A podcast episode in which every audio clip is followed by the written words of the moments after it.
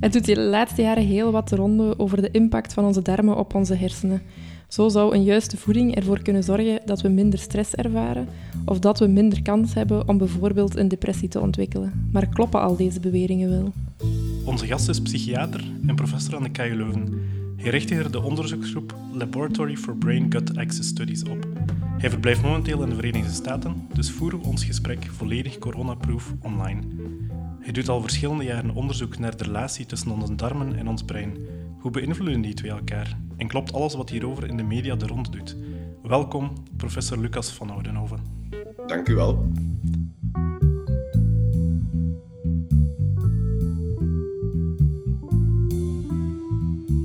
Ja, om te beginnen een heel um, obvious vraag misschien, maar um, wat wordt precies bedoeld met de brain-gut axis? De brain-gut axis is eigenlijk het hele systeem langs het welke de darmen en de hersenen met elkaar communiceren. Dus dat is een heel complex systeem en dat gaat in de twee richtingen. Ehm, en daar komen zenuwbanen bij te pas, maar ook hormonen in de twee richtingen. Hè. Dus hormonen die in het maag-darmstelsel worden gemaakt, hormonen die in de hersenen worden aangemaakt, bijvoorbeeld stresshormonen, die gaan eigenlijk het andere uiteinde van die brain-gut axis kunnen gaan beïnvloeden. En dan een derde belangrijke manier van communiceren, naast zenuwen en hormonen, is eigenlijk ontstekingsprocessen. En dat is dan vooral van het maagdarmstelsel naar de hersenen. We weten dat het maagdarmstelsel en, en zeker ook de bacteriën die daarin leven, dat die in belangrijke mate ontstekingsprocessen kunnen beïnvloeden, lokaal, Um, dus in onze darmen, maar ook eigenlijk in, in heel het lichaam. En we weten dat als we in ons lichaam ergens ontstekingsprocessen hebben, dat dat ook invloed kan hebben op de hersenen. Dus die gut-brain axis is eigenlijk een heel complex communicatiesysteem tussen de darmen en de hersenen, um, waarbij dat er eigenlijk verschillende manieren van communicatie zijn. Uh, vooral dan zenuwen, hormonen en ontstekingsprocessen. Um, moet ik dat dan zien als drie parallele kanalen? Of, of, is dat meer een sequentie van, van zaken die dan, dan gebeurt? Of een beetje tussenin? Ja, parallellen. Het zijn zeker geen, geen volledig onafhankelijke parallele kanalen. Hè. Dus die, die, die bestaan natuurlijk los van elkaar, maar eh, het is ook niet per se een sequentie. Het is eigenlijk zo dat die op allerlei soorten niveaus elkaar heel erg kunnen gaan beïnvloeden. Dus de, een van de manieren waarop hormonen die onze maag en onze darmen aanmaken. Hè. Denk maar aan honger- en verzadigingshormonen. Een van de manieren waarop dat die hormonen de hersenen kunnen beïnvloeden, is natuurlijk gewoon via de bloedbaan. Um, en op die manier kunnen die dan in de hersenen terechtkomen. En we weten dat die daar hun effecten kunnen hebben. Maar we weten ook dat die zenuwbanen van het maagdarmstelsel naar de hersenen, dat die eigenlijk kunnen geactiveerd worden door die hormonen. Ja, okay. um, en dat een aantal van die hormonen mogelijk misschien ook invloed hebben op ontstekingsprocessen. Dus het zijn eigenlijk parallele lijnen, maar zeker geen onafhankelijke lijnen. Ja, Die gaan elkaar heel sterk gaan, uh, gaan beïnvloeden. Als ik het u zo hoor vertellen, dan lijkt dat ook wel een heel complex geheel en inderdaad niet zo simpel om, om te kijken van wat is hier nu oorzaak, wat is gevolg, wat zijn hier juist de, de oorzakelijke factoren. Nu, je hoort de laatste tijd wel heel vaak in de media van eh, bijvoorbeeld stress zou te vermijden zijn of depressie zou te vermijden zijn door een optimaal voedingspatroon, een, een optimale darmflora. Kun je dat zo eenvoudig of zo simpel stellen, dat door een, een goed eetpatroon dat er een aantal zaken te vermijden zouden zijn? Wel, eerst en vooral, het is heel zeker het geval dat dit een heel complex systeem is en dat het heel moeilijk is om te gaan spreken van simpele oorzaak-gevolgrelaties, omdat alles een beetje alles beïnvloedt, bij wijze van spreken, en het zowel van boven naar beneden de hersenen naar de darmen en van de darmen naar de hersenen gaat. Dus dat maakt dat het inderdaad wel heel moeilijk is om dat te gaan bestuderen omwille van de complexiteit en zeker om simpele oorzaken-gevolgrelaties te gaan aantonen. En natuurlijk, daar hebben we het nog niet expliciet over gehad, maar de dingen zijn nog veel complexer geworden de laatste pakweg tien jaar, doordat we zien dat niet alleen onze darmen zelf, maar ook die bacteriën die in onze darm zitten, hè, en dat zijn er heel veel, hè, ehm, dat zijn er miljarden. We hebben eigenlijk ongeveer evenveel bacteriële cellen in ons lichaam dan eigen cellen ja, die gaan ook een heel belangrijke invloed gaan uitoefenen op al die communicatiesystemen. Dus het is nog veel complexer geworden eigenlijk de laatste tien jaar. Dus dat is eerst en vooral belangrijk om te zeggen. En dat maakt ook dat we toch moeten opletten, zeker op dit moment, want het is een jong onderzoeksveld, om te sterke claims te gaan maken dat we zouden kunnen gaan depressies oplossen alleen op basis van voeding. Het is wel zo dat dit wel een veelbelovend onderzoeksveld is. Daar geloof ik wel in. Hè. Zeker in proefdieren zijn er toch wel heel spectaculaire resultaten waarbij is aangetoond dat allerlei manipulaties, bijvoorbeeld van die bacteriën in de dat die kunnen gaan gedrag en emoties uh, beïnvloeden. Hè. Dus in proefdieren zijn die er zeker. Natuurlijk, voor dit soort onderzoek zijn proefdieren slechte modellen eigenlijk voor mensen. Vooral dan knaagdieren, hè, muizen, ratten waarop die studies gebeuren. Uh, ja, die hebben een heel ander maagdarmstelsel, die hebben een heel andere soorten bacteriën in dat maagdarmstelsel. Die hebben natuurlijk heel andere hersenen. Dat heel moeilijk is, is om te veralgemenen dan. Ja, om gedrag van die dieren te vertalen naar, naar menselijke psychologie. Hè. Dus dat is, dat is toch moeilijk om die dingen te vertalen. En de studies in mensen, ja, dat is toch allemaal nog veel gemengder qua resultaten. Ehm, daar moet toch nog veel meer uh, werk gebeuren om, om dat soort dingen echt te kunnen gaan betrouwbaar claimen. Je spreekt over manipulatie van die um, bacteriën in de, in de darmen. Wat moet ik mij daar concreet bij voorstellen? Hoe gebeurt dat? Ja, er zijn heel veel manieren om dat te doen eigenlijk. Hè. En, en dat, dat maakt het ook wel wat veelbelovend, want als we natuurlijk die relaties tussen bacteriën in de darm en, en, en de darmen in het algemeen en de hersenen beter begrijpen en we weten dat dat mogelijk belangrijk is naar het, het regelen van emotionele processen bijvoorbeeld.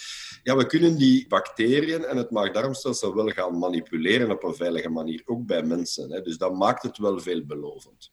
Waar spreken we concreet over? Ik ga het vooral hebben op de dingen die we ook bij mensen kunnen doen. Hè. Mhm. Ehm, probiotica zijn veel gebruikt. Hè. Wat zijn probiotica? Probiotica zijn eigenlijk um, goede bacteriën of bacteriën waarvan verondersteld zijn dat ze een, een, een gezondheidsvoordeel kunnen opleveren, die we gaan toedienen. En dat gaat dan niet om uh, het potje Activia of, of de Actimel, of dat zou ook kunnen helpen? Ja? Jawel, jawel, toch wel. Dat zijn eigenlijk prototype voorbeelden van probiotica. Hè. Daar zitten uh, in al die yoghurt en gefermenteerde melkproducten zitten bacteriën in die verondersteld worden een gunstig effect te hebben. De meeste daarvan zijn bifidobacteriën en lactobacillen. En Opnieuw, er is proefdieronderzoek dat aantoont dat door het toedienen van sommige van die probiotica dat gedrag en emotioneel gedrag bij dieren kan beïnvloed worden. Maar als we dan kijken naar studies bij mensen, ja, sommige van die uh, producten die dan bij dieren een effect hadden, hebben het bij mensen niet, andere dan wel. Maar dat is toch ook allemaal nog wel heel voorzichtig. Hè. En er is veel wat we nog niet weten, welke probiotica zouden precies het best werken um, bij mensen. Dat is zeker iets wat nog niet volledig duidelijk is. Wat voor effecten hebben die probiotica precies? Want er zijn wel wat studies die aantonen dat die eigenlijk gewoon passanten zijn en niet worden geïntegreerd in de bestaande bacteriën. Dus daar zijn toch nog wel veel uh, vragen, ondanks een aantal, uh, laat ons zeggen, voorzichtig veelbelovende uh, resultaten. Um, maar anderzijds ook negatieve resultaten. Dus probiotica, gebeurt veel onderzoek rond. De, de, de voedingsindustrie is daar uiteraard ook zeer in geïnteresseerd en doet daar ook onderzoek over. Uh, zeker niet altijd op een, op een slechte manier. Er zijn veel claims gemaakt. Uh, door de voedingsindustrie, die, die veel te vroeg kwamen in mijn ogen, die onvoldoende wetenschappelijke basis hadden. Maar ik vind dat dat toch wel uh, in de goede richting evolueert. Hè. Ze doen daar toch wel beter onderzoek, vind ik nu, ook, ook, um, ook de industrie. Um, maar goed, er is toch nog wel veel uh, onduidelijkheid daar. Hè. Een tweede manier is iets waar ik zelf misschien wel wat meer in geloof, als, als we het zo kunnen zeggen, zijn prebiotica. En dat is maar één letter verschil, maar prebiotica zijn heel andere dingen dan probiotica. Dus probiotica bevatten bacteriën. Prebiotica moet je eigenlijk beschouwen als voeding voor je eigen goede bacteriën goede, slechte bacteriën is natuurlijk een heel sterke vereenvoudiging. Mhm. Maar het idee is dat we eigenlijk door prebiotica te geven, voeding geven aan onze eigen bacteriën, waar we eigenlijk in een soort synergie mee samenleven. Wat zijn dat dan vooral? Uh, voornamelijk, ik ga één belangrijk voorbeeld geven, voedingsvezel. Hè, dus vezels. Wat zijn vezels? Complexe suikers. Hè, die zitten natuurlijk vooral in, in granen, noten, groenten, fruit enzovoort. Wat gebeurt er met die vezels? Dat zijn eigenlijk complexe suikers die we niet kunnen gaan verteren zelf. Dus de, we hebben niet in onze dunne darm, waar het grootste deel van de vertering gebeurt, de enzymen om die te gaan verteren. Dus die belanden in onze dikke darm, waar de overgrote meerderheid van de darmbacteriën zitten. En die bacteriën gaan die vezels eigenlijk gaan fermenteren. En die fermentatie die zorgt ervoor dat er een aantal um, producten gevormd worden die gunstige effecten hebben. Ik geef één belangrijk voorbeeld. Korte ketenvetzuren, om een technische term te gebruiken, die worden geproduceerd. En we weten daarvan dat die korte ketenvetzuren eigenlijk heel belangrijk zijn voor de gezondheid van de cellen van onze darm. Ja, ja. Die hebben effecten die ontsteking onderdrukken, die hebben effecten uh, die uh, kankerontwikkeling uh, gaan tegengaan. Dus we weten dat die lokaal belangrijk zijn. Maar we weten ook stilaan uit proefdieronderzoek en ook uit een stukje onderzoek van mensen, op mensen van onszelf, um, dat die korte ketenvetzuren allerlei effecten kunnen hebben op de hersenen. Zo opnieuw via alle mogelijke communicatiepaden waar we het eerder over gehad hebben. Maar waar het op neerkomt is dat wij eigenlijk recent hebben aangetoond dat die korte ketenvetzuren, als je die gaat toedienen aan mensen in capsules die eigenlijk worden vrijgezet in een dikke darm, waar um, die korte ketenvetzuren normaal worden, worden gemaakt door de bacteriën. Als we die eigenlijk experimenteel gaan toedienen, uh, dan zien we in vergelijking met placebo dat de mensen die die toegediend kregen na een week een minder sterke respons op stress gingen vertonen. Ah, okay. En dat is een eerste bevinding bij mensen. En zoals altijd met eerste bevindingen is dat interessant en veelbelovend. Maar uh, moeten we dat natuurlijk gaan bevestigen? Moeten we proberen beter begrijpen bij welke mensen die, die interventie best werkt? Moeten we beter begrijpen hoe die werkt? Hè? Dus dat is ook um, vroeg dag. Ja. Uh, maar goed, dat is een veelbelovende piste om, om eigenlijk effecten te gaan bestuderen van vezels op psychologische functies. Mhm. Nu, en... Eigenlijk vooral de stressrespons. Um, je hoort de laatste tijd, allee, je, je, leest af en toe wel eens van um, de, de, gemiddelde mens, um, eh, zeker in het Westen, ons, ons voedingspatroon bevat veel te weinig vezels. Is dat dan, heeft dat dan daarmee te maken ook, of zijn er nog andere uh, dat klopt zeker, hè, dat ons voedingspatroon te weinig vezels bevat. En, en in het licht van dit verhaal is dat natuurlijk niet zo goed nieuws. Hè, als het ja, aankomt op preventie van...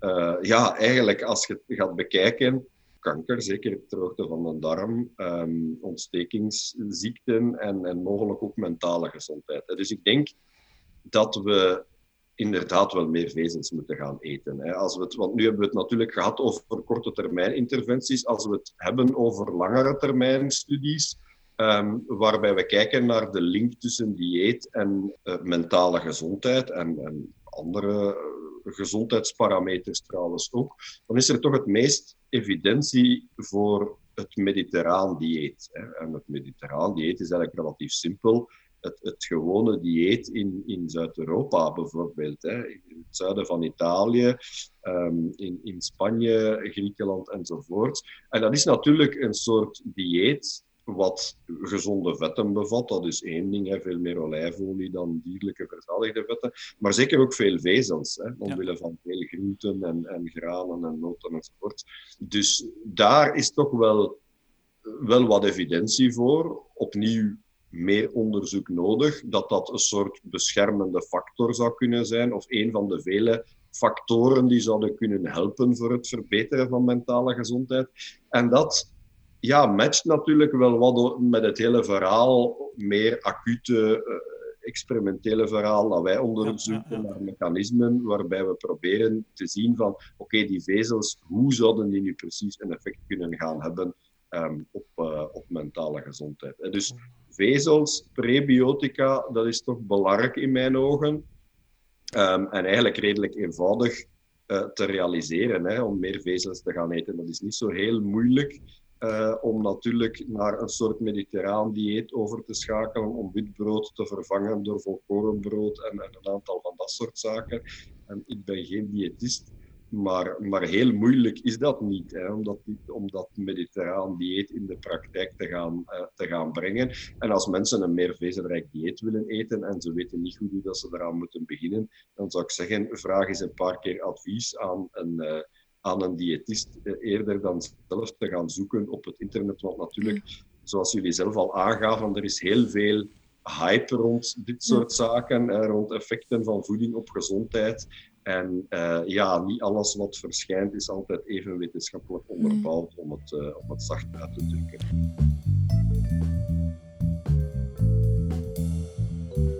Wat ik ook als, als psycholoog zijn dan ook wel heel vaak mis. Er worden heel veel adviezen gegeven. En, en ik hoor u bijvoorbeeld ook zeggen van het is ergens heel makkelijk. En als je weet van een mediterraans dieet zou, zou positieve effecten kunnen hebben.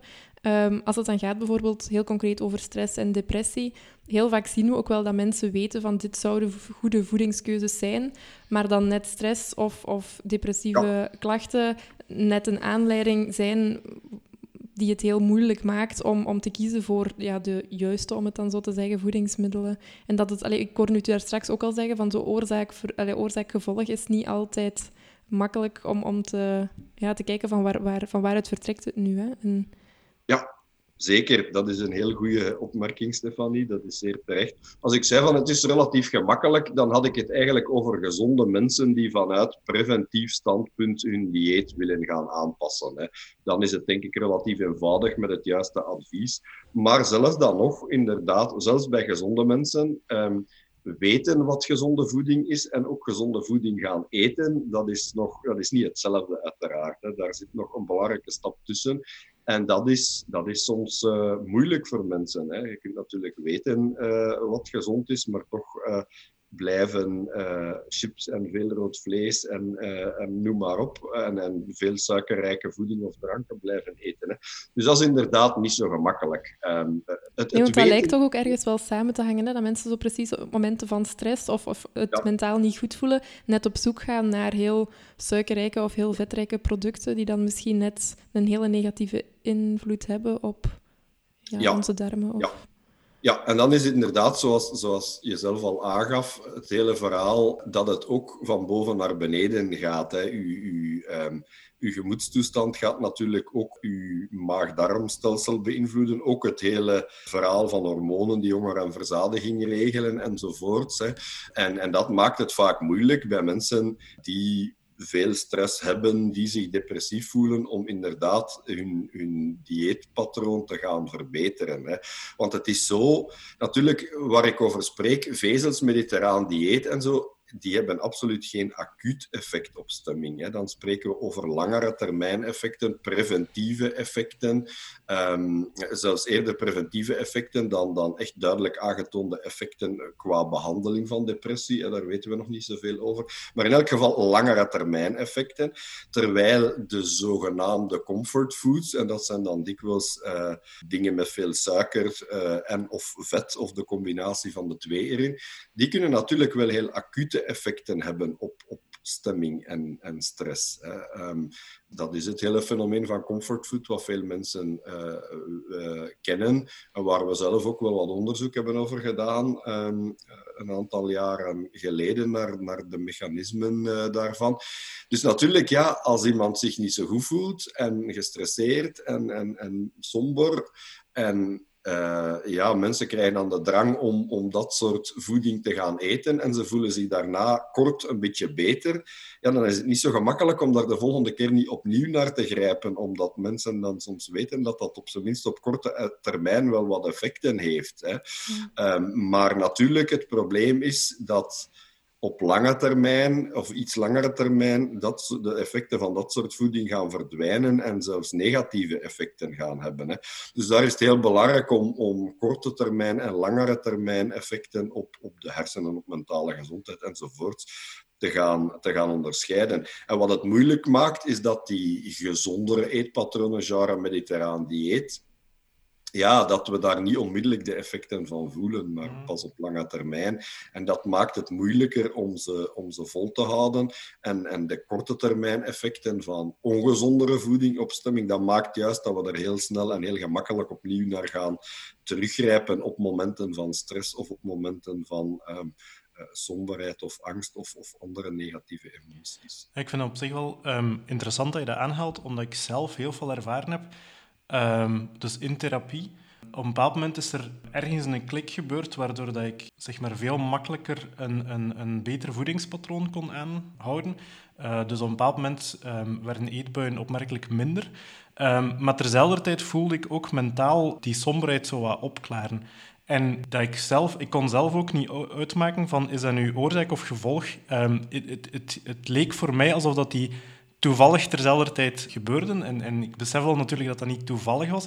Maar ik kon niet zeggen van, ah, ik voelde mij beter en daardoor kon ik mijn eetbuien ook wat minder... Um, um, ik kwam die minder voor. Maar ik kon ook niet zeggen van, ah, ik heb minder eetbuien en daardoor voel ik mij beter. Dus ik, voel, ik heb zelf heel veel ervaren nu dat die inderdaad... Um, die wisselwerking daartussen. Ja, ja, die hangen samen. En, en bij individuele personen is dat vaak heel moeilijk uit te maken van wat is de kip of het ei hè, bij die dingen, omdat het juist van dat soort circulaire relaties zijn. Nu, natuurlijk, als het gaat over, over therapie, over behandeling van een individuele persoon, is dat ook niet altijd echt nodig om te weten van wat kwam voor het ander. Hè. Als we zien dat die, uh, die dingen in de goede richting evolueren, um, allebei parallel, of, of, uh, dan, dan maakt dat niet zo heel veel uit. Nee, inderdaad. Natuurlijk, als wetenschapper wil ik graag mechanismen onderzoeken en wil ik wel graag weten van ja, als ik het ene eind manipuleer, wat gebeurt er dan met het andere en omgekeerd. Dus we zijn wel geïnteresseerd in, in richting van, van dat soort beïnvloeding, in, in oorzaak-gevolg, maar het zal altijd een complex en-en verhaal zijn. En het gaat nooit een heel simpel oorzaak-gevolg met, met, met één schone lijn uh, zijn. Uh, dat gevolg kan dan weer oorzaak worden voor andere dingen enzovoort. Hè. Dus het is ingewikkeld. We maar ik denk ook wel naar individuen toe kan het ook wel heel interessant zijn om te weten van waar in die ja, bijna vicieuze cirkel kun je ingrijpen of wat kan er werken. Ja. Dus dat ik denk ook op dat vlak denk dat het wel heel belangrijk is om te kijken van wat, ja. wat kunnen we concreet doen. Zo, hè. Zeker. En, en ik denk daar, omwille van die circulariteit en, en, en die wederzijdse beïnvloeding, ja, is ingrijpen langs de twee kanten uh, altijd wel een goed idee. Hè? Dus psychologisch, psychotherapeutisch, eventueel als het nodig is, medicatie aan de kant van de hersenen en, en dieetadvies daaraan gekoppeld uh, aan, aan de, de kant van de darmen, hè, dus de, andere kant van de, van de brain-gut axis.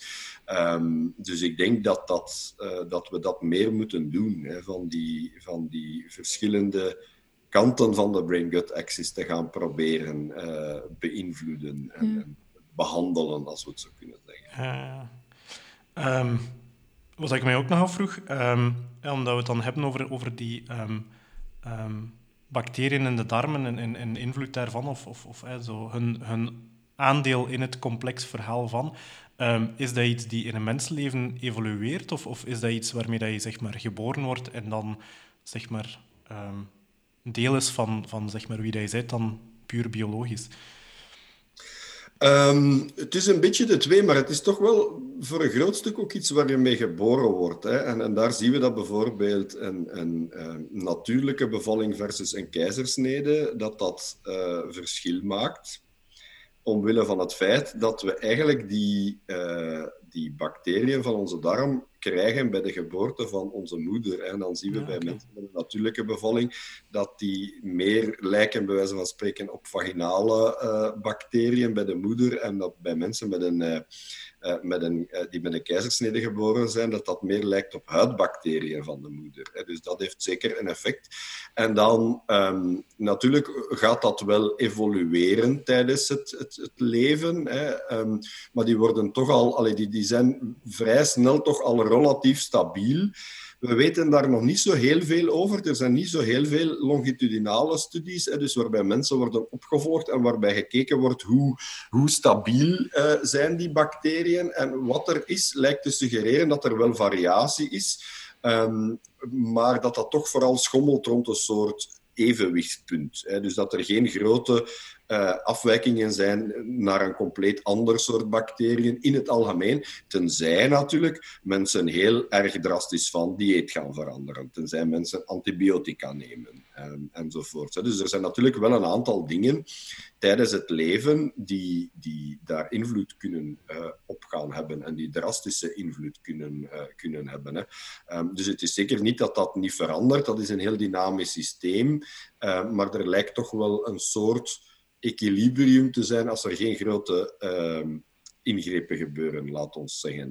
Uh, wat we wel veel beter weten, is als we op één moment in tijd gaan kijken. Hè, dus Jeroen Raas, mijn collega in Leuven, die, die veel van dit soort onderzoek doet, vanuit microbiologisch standpunt, die heeft eigenlijk heel duidelijk aangetoond als je duizend mensen pakweg pakt uh, en, en je gaat die darmbacteriën onderzoeken, dat er grote verschillen zijn tussen mensen en dat dat eigenlijk kan ingedeeld worden in vier uh, verschillende types. En recent hebben we gezien in, in die grote studie met heel veel mensen erin, Um, dat een bepaald type, um, dat dat toch geassocieerd lijkt te zijn met allerlei negatieve gezondheidsparameters. Um, met uh, hogere niveaus van ontstekingen, met vaker voorkomen bij mensen met dat soort bacteriën van ontstekingsgerelateerde ziekten. En ook wat we hebben gevonden nu recent met lagere mentale gezondheid en met vaker voorkomen van depressie.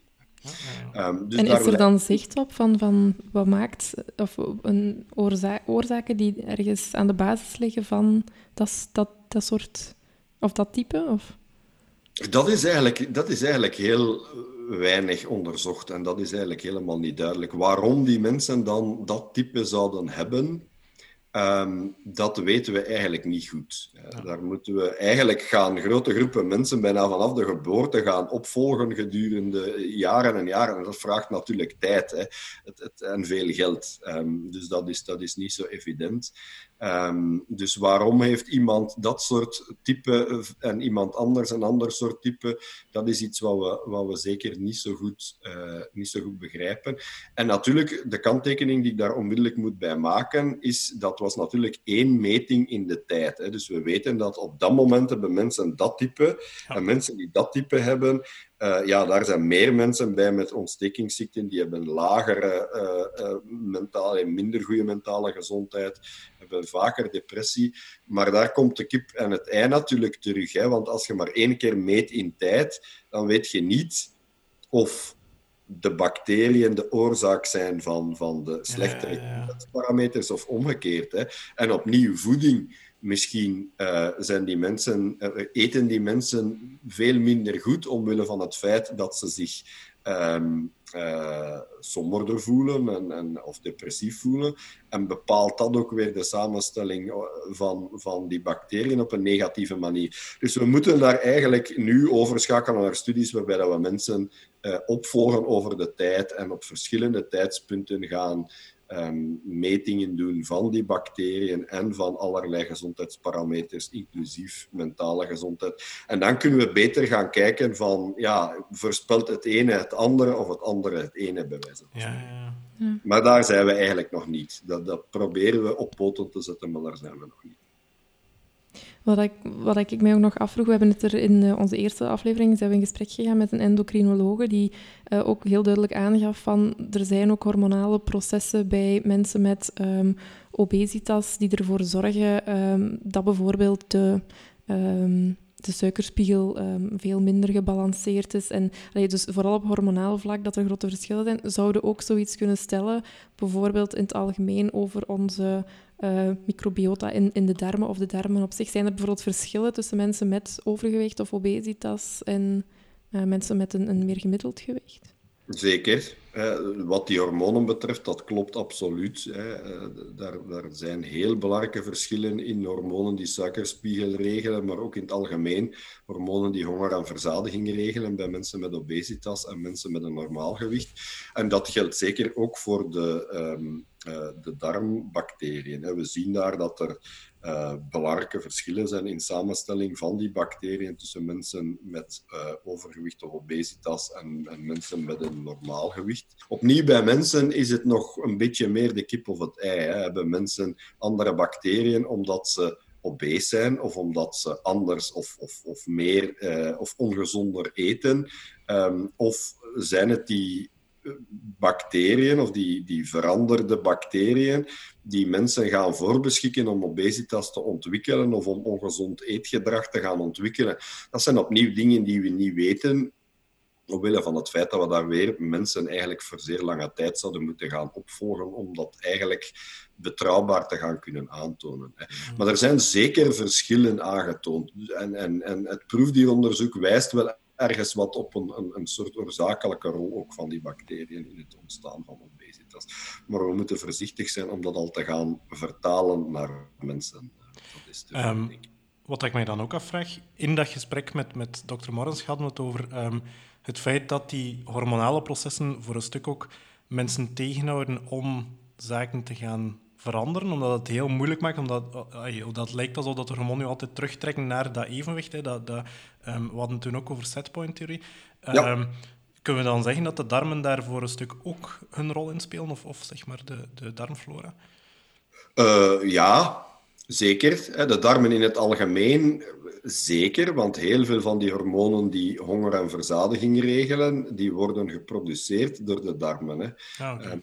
Ghreline bijvoorbeeld is een hormoon, dat het hongerhormoon zo gezegd wordt gezegd, wordt voornamelijk geproduceerd door de maag. Hè. Dus, dus dat gaat naar beneden als we gegeten hebben. Dus dat is een soort signaal van het maag-darmstelsel aan de hersenen. Um, ja, ik heb hier voldoende voedsel binnengekregen. En naarmate dat de tijd vordert, sinds de laatste maaltijd, gaat dat ghreline omhoog. En dat gaat een signaal zijn aan de hersenen van ah, het is hier tijd om te gaan, um, om te gaan eten. Hè. En, en dan zijn er al, een, een hele reeks andere hormonen die verzadiging gaan signaleren. Hè. Die gaan het tegenovergestelde patroon. Die gaan omhoog als we gegeten hebben en naar beneden um, uh, als, uh, um, als we uh, honger gaan beginnen krijgen. Ja, ja. Dus dat is een heel complex systeem. Um, van het maag, de communicatie van het maag-darmstelsel naar de hersenen. Dus dat speelt een zeer belangrijke rol. We weten dat dat verstoord is bij obesitas, um, dus dat is, dat is vrij duidelijk. En we weten ook dat uh, de darmbacteriën um, invloed kunnen hebben op uh, het, de productie van sommige van die hormonen. En dan vooral degene die zich, die geproduceerd worden in, in voornamelijk het laatste stuk van de dunne darm en de dikke darm, want daar zitten het meest bacteriën. Hè. Maar daar worden ook een aantal van die verzadigingshormonen en, en suikerregulerende hormonen geproduceerd. En we weten dat, dat darmflora, bijvoorbeeld via die korte ketenvetzuren, waar ik het eerder over had, uh, invloed kunnen op hebben.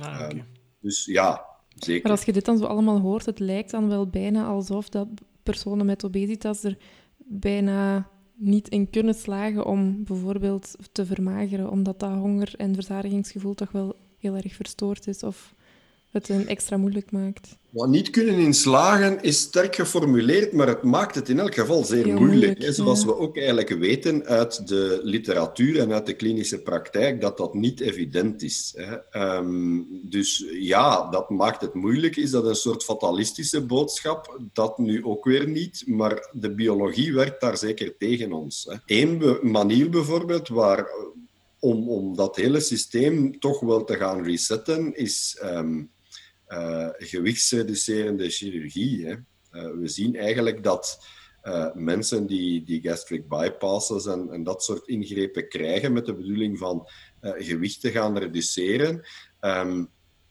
dat dat eigenlijk die gewichtsverandering en, en het normaliseren van suikerspiegels en zo, dat dat zeker niet alleen te maken heeft met, met minder gaan eten en verliezen van gewicht. We zien dat die hormonen, waar we het net over hadden, dat die zich eigenlijk gaan normaliseren alvorens mensen hun gewicht gaan verliezen. Dat gebeurt heel snel na die ingreep. Dus ik denk dat dat een duidelijke aanwijzing is dat, dat heel die hormonale machinerie van het maag-darmstelsel daar echt een belangrijke rol in speelt. Mm, en, en dat dat toch wel een manier is om, om die verstoorde uh, mechanismen daar te gaan resetten. Waarbij ik niet wil gezegd hebben dat uh, dat dat soort chirurgie dat dat de oplossing is voor iedereen. Hè. Uiteraard um, uh, moeten daar goede indicaties worden gesteld enzovoort. Maar het is wel, Wat is wel interessant, de weinige manieren om dat mechanisme eigenlijk echt radicaal te gaan resetten. Ja. Dus je hebt het over um, uh, dus dat je na bijvoorbeeld een gastric bypass dus um, heel duidelijk um, verandering ziet in de hormoon. Daar hadden we het ook over met dokter Morris. Maar is er, ook zo, zijn er ook, is er ook zo bewijs of is er evidentie voor het feit dat onze darmflora dan na zo'n ingreep ook verandert? Of is dat nog te vroeg?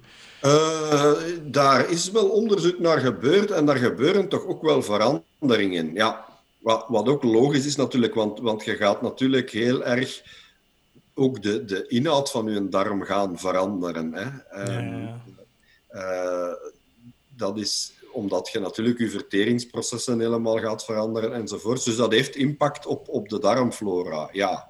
ja um, okay. Maar uh, is dat een positieve impact of niet? Um, ja, dat, dat is nog niet zo helemaal duidelijk. Maar, maar er zijn daar zeker veranderingen aan. Okay.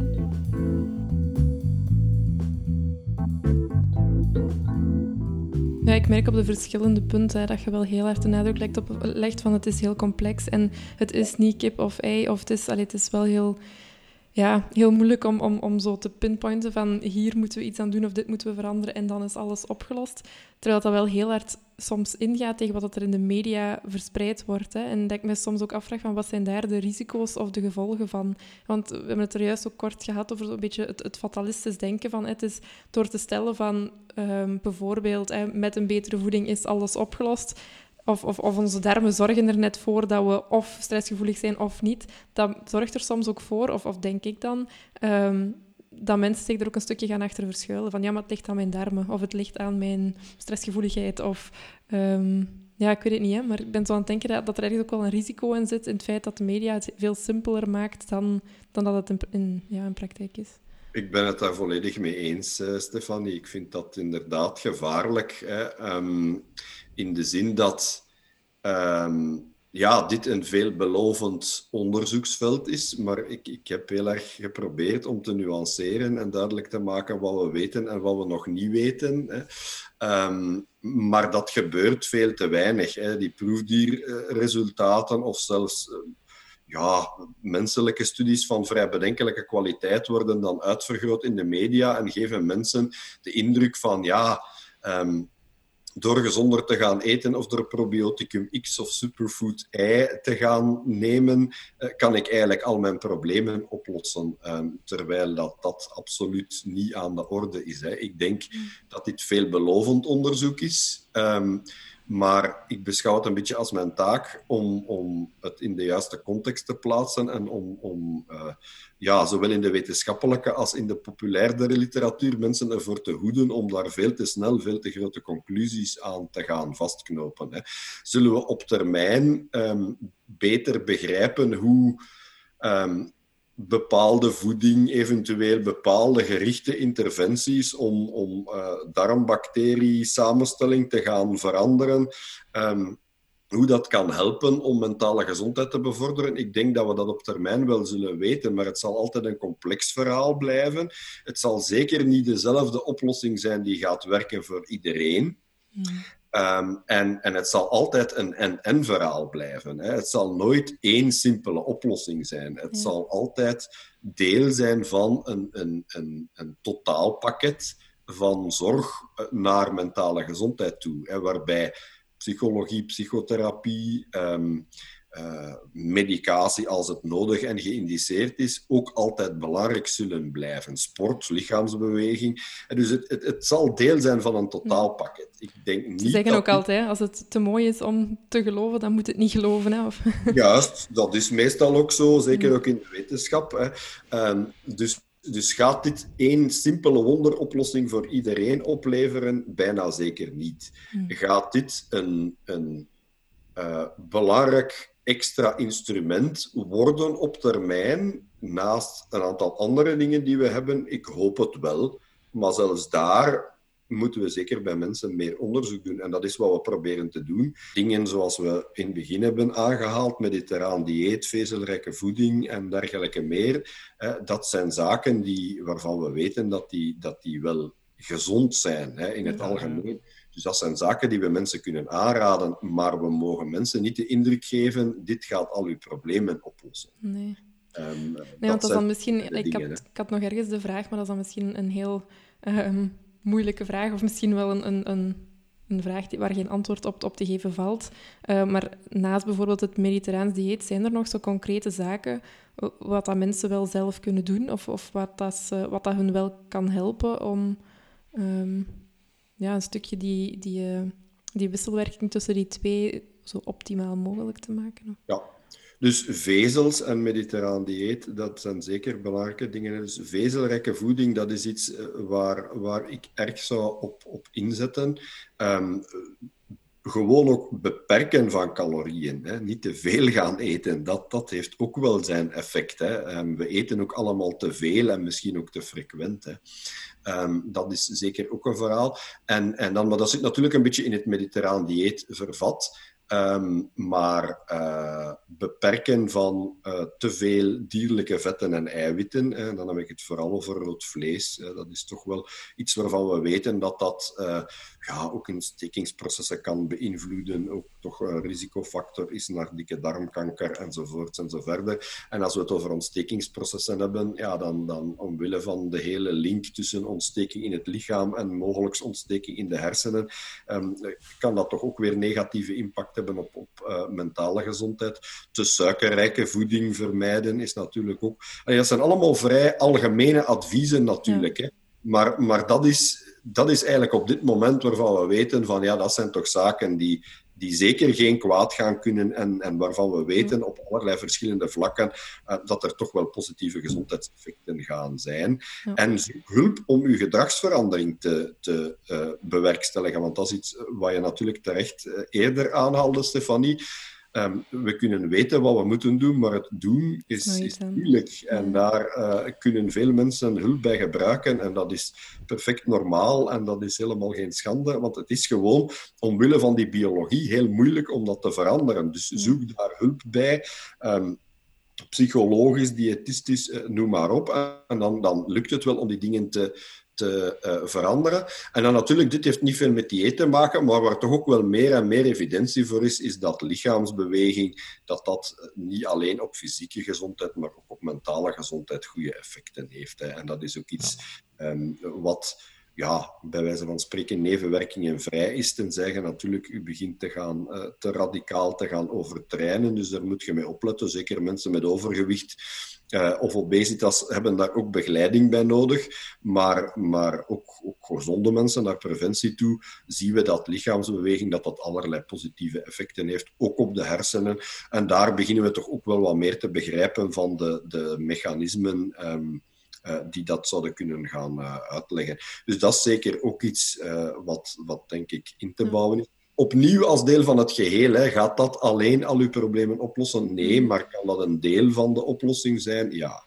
Ja, ik denk, denk voor mij als, als eh, zeg maar dan professioneel buitenstaander, um, hè, dus ik ben geen, geen psycholoog en ik ben niet thuis in de darm. Ik, ik vond het heel interessant dat Stefanie met dit onderwerp aankwam, want ik had zoiets van, oké, okay, hoe gaan we een uur praten over darmen? Maar dat lukt dan dus wel, dat is wel best interessant eigenlijk. Ja. Wat ik er eigenlijk vooral uit, uit meeneem uit dit gesprek, um, wat ik eigenlijk nog een interessante insteek vind, net door die wisselwerking, net door die complexiteit, dat het eigenlijk heel interessant is om inderdaad zo multidisciplinair te gaan kijken en, en langs die verschillende kanten proberen. En wat dat dan precies de hele um, kar doet omdraaien, daar gaat het dan ook niet zozeer om. Uh, het feit is, door langs al die verschillende kanten te trekken en te duwen aan die kar, gaat die wel, is de kans groter dat die wel gaat keren. Um, wat ik op zich wel een interessant idee vind, die ergens wel haak staat op hoe dat gezondheid, laat ons zeggen dan tot voor kort en helaas nog altijd wel traditioneel vaak bekeken wordt. Ehm, en meer sequentieel van, ah, als je in de klassieke geneeskunde geen, geen oplossing vindt, ga dan maar eens met een psycholoog praten. Terwijl, ehm, ja, dat vind ik eigenlijk wel een interessant punt. Ik ben het daar volledig mee eens, ja.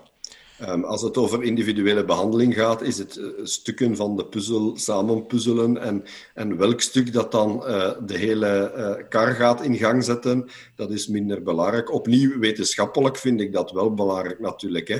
Ja, maar naar individuele behandeling toe, we kunnen zeker aan de slag met een aantal dingen zonder dat we de, de hele complexiteit van oorzaak en gevolg van al die mechanismen begrijpen. Hè. Ten andere, um, die oorzaak- en gevolgrelaties kunnen ook verschillen van persoon tot persoon om het nog wat complexer te maken. hè. Ik, denk dat we daar, ik denk dat we moeten opletten voor um, uh, ja, allerlei soorten behandelingen en het beloven van wonderoplossingen zonder veel wetenschappelijke basis. Maar anderzijds moeten we natuurlijk niet wachten tot de wetenschap alles tot in detail uh, op niveau van mechanismen heeft uitgevlooid om aan de slag te gaan met een aantal veelbelovende dingen. Um, dus dat is een evenwicht vinden tussen de wetenschap en, en, en de kliniek. Um, mm. En ik wil er ook gewoon nog even aan toevoegen dat ik wel heel blij ben met dit soort initiatieven van jullie om, om te proberen om dit soort dingen te vertalen naar een breder publiek op een voldoende kritische manier. Want zoals jullie um, terecht aangeven, is er te veel uh, uh, onkritische, zelfs onwetenschappelijke uh, verslaggeving rond dit soort dingen in allerlei media. En heeft dat wel zijn gevaren. Hè? Dat mensen uh, mm. ja, denken dat ze alleen daardoor gaan alles oplossen en niet de ja. andere juiste zorg gaan zoeken enzovoort. Ja, en ik uh, merk ook vanuit de omgeving dat er misschien ook te simplistisch gekeken wordt naar elkaar ook. Hè? Van, allee, het is toch simpel, je moet maar dit doen, je moet ja. maar dat doen. En dan, allee, het is, allee, zo moeilijk is het toch niet? Wat het nog moeilijker maakt soms. Ja, helaas is het niet simpel en is het nee. nooit zo simpel. En, en, zelfs wat ik zei over het is vrij gemakkelijk om, om naar een mediterraan dieet over te schakelen, dan had ik dan had ik het eigenlijk vooral over, ja, het is vrij gemakkelijk om te gaan weten hoe dat je dat moet doen en dat te gaan proberen, maar het doen is, is, nee, ja. dat is daar niet zo gemakkelijk. Nee, ik denk dat dat een, een boodschap is. Er zijn geen simpele oplossingen, maar als we een aantal zaken combineren en, en daar samen aan werken, en dan bedoel ik en patiënt en, en hulpverleners, dan, dan is er wel, wel hoop en dan, dan kunnen we heel veel dingen verbeteren. Sowieso heel erg merci. Graag gedaan.